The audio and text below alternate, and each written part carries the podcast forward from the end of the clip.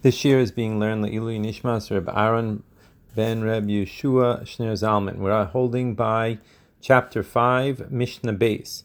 Mishnatala Aron, when the ark was taken away uh, in after the first temple, Evan Haisa Sham Nevi'im Rishainim. So there was a stone that was there from the earliest prophets. Here we're talking about David Melech and Shmuel.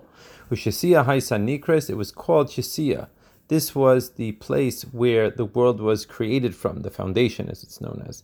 Gavoya min shalosh etzbos. It was actually three fingers up above the ground. And then the Kain Gadol would place the shovel of the coals where he burned the keteris. Mishnah Gimel. Now, while the Kain Gadol was doing the service of the keteris, there was a Kayin standing outside in the courtyard that was stirring the blood from the bull in order that it should not congeal. Now the Kain Gadol went back to that person in order to continue with the service of the bull. Natalas Adam Misha Hayam uh, So he took the blood from the kayin that was stirring it, and now he's going to return back to the Kodesh HaKadoshim. Nichnas l'makom shenichnas va'amad b'makom she'amad. So he entered into the Holy of Holies like we was before, and he was standing in the same place as he was before, namely between the two poles of the Aron. Now he sprinkled some from the blood of the bull. It does it one upward and seven downward. Now what does this mean? Each time he would put his right forefinger into the blood and he would throw the blood in the direction of where the Aron was. Now, the upward sprinkling was when he, he used his hand, it was faced with the palm upward, and then the seven downwards was that the palm was facing downwards. Where did he throw it towards? He threw it towards where the kaparis, the kaparis is the covering of the Aron, used to be. So in the first temple, it was like toward exactly towards that. In the second temple, it was where it used to be. Uh, it was still much further away, and it didn't actually reach the kaparis itself.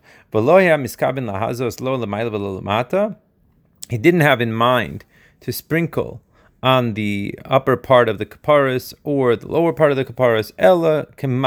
Instead, he did it like a whip. Now, what does it mean like here by whip?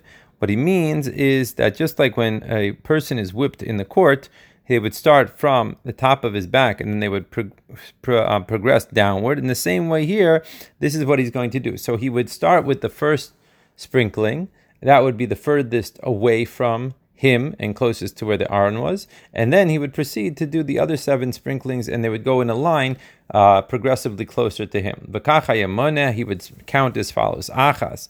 The Achas, one, that would be the sprinkling, the first sprinkling upwards. And then he would say Achas achas, one and one, Achas v'shtayim, Achas v'shalosh, Achas v'arba, Achas v'chamesh, Achas v'shesh, Achas v'sheven. Finally, up until one and seven. Now, the reason why he did it in this manner was to show that it was two different sprinklings. And if he would have continued just counting one, two, three, four, five, six, seven, eight, so there's a possibility he would have made a mistake, and therefore uh, he did it in this manner instead. Yatzav al kan hazahav After he finished the sprinklings, he went out of the holy of holies and he put the vessel which had the blood from the bull onto a golden stand in the heichel.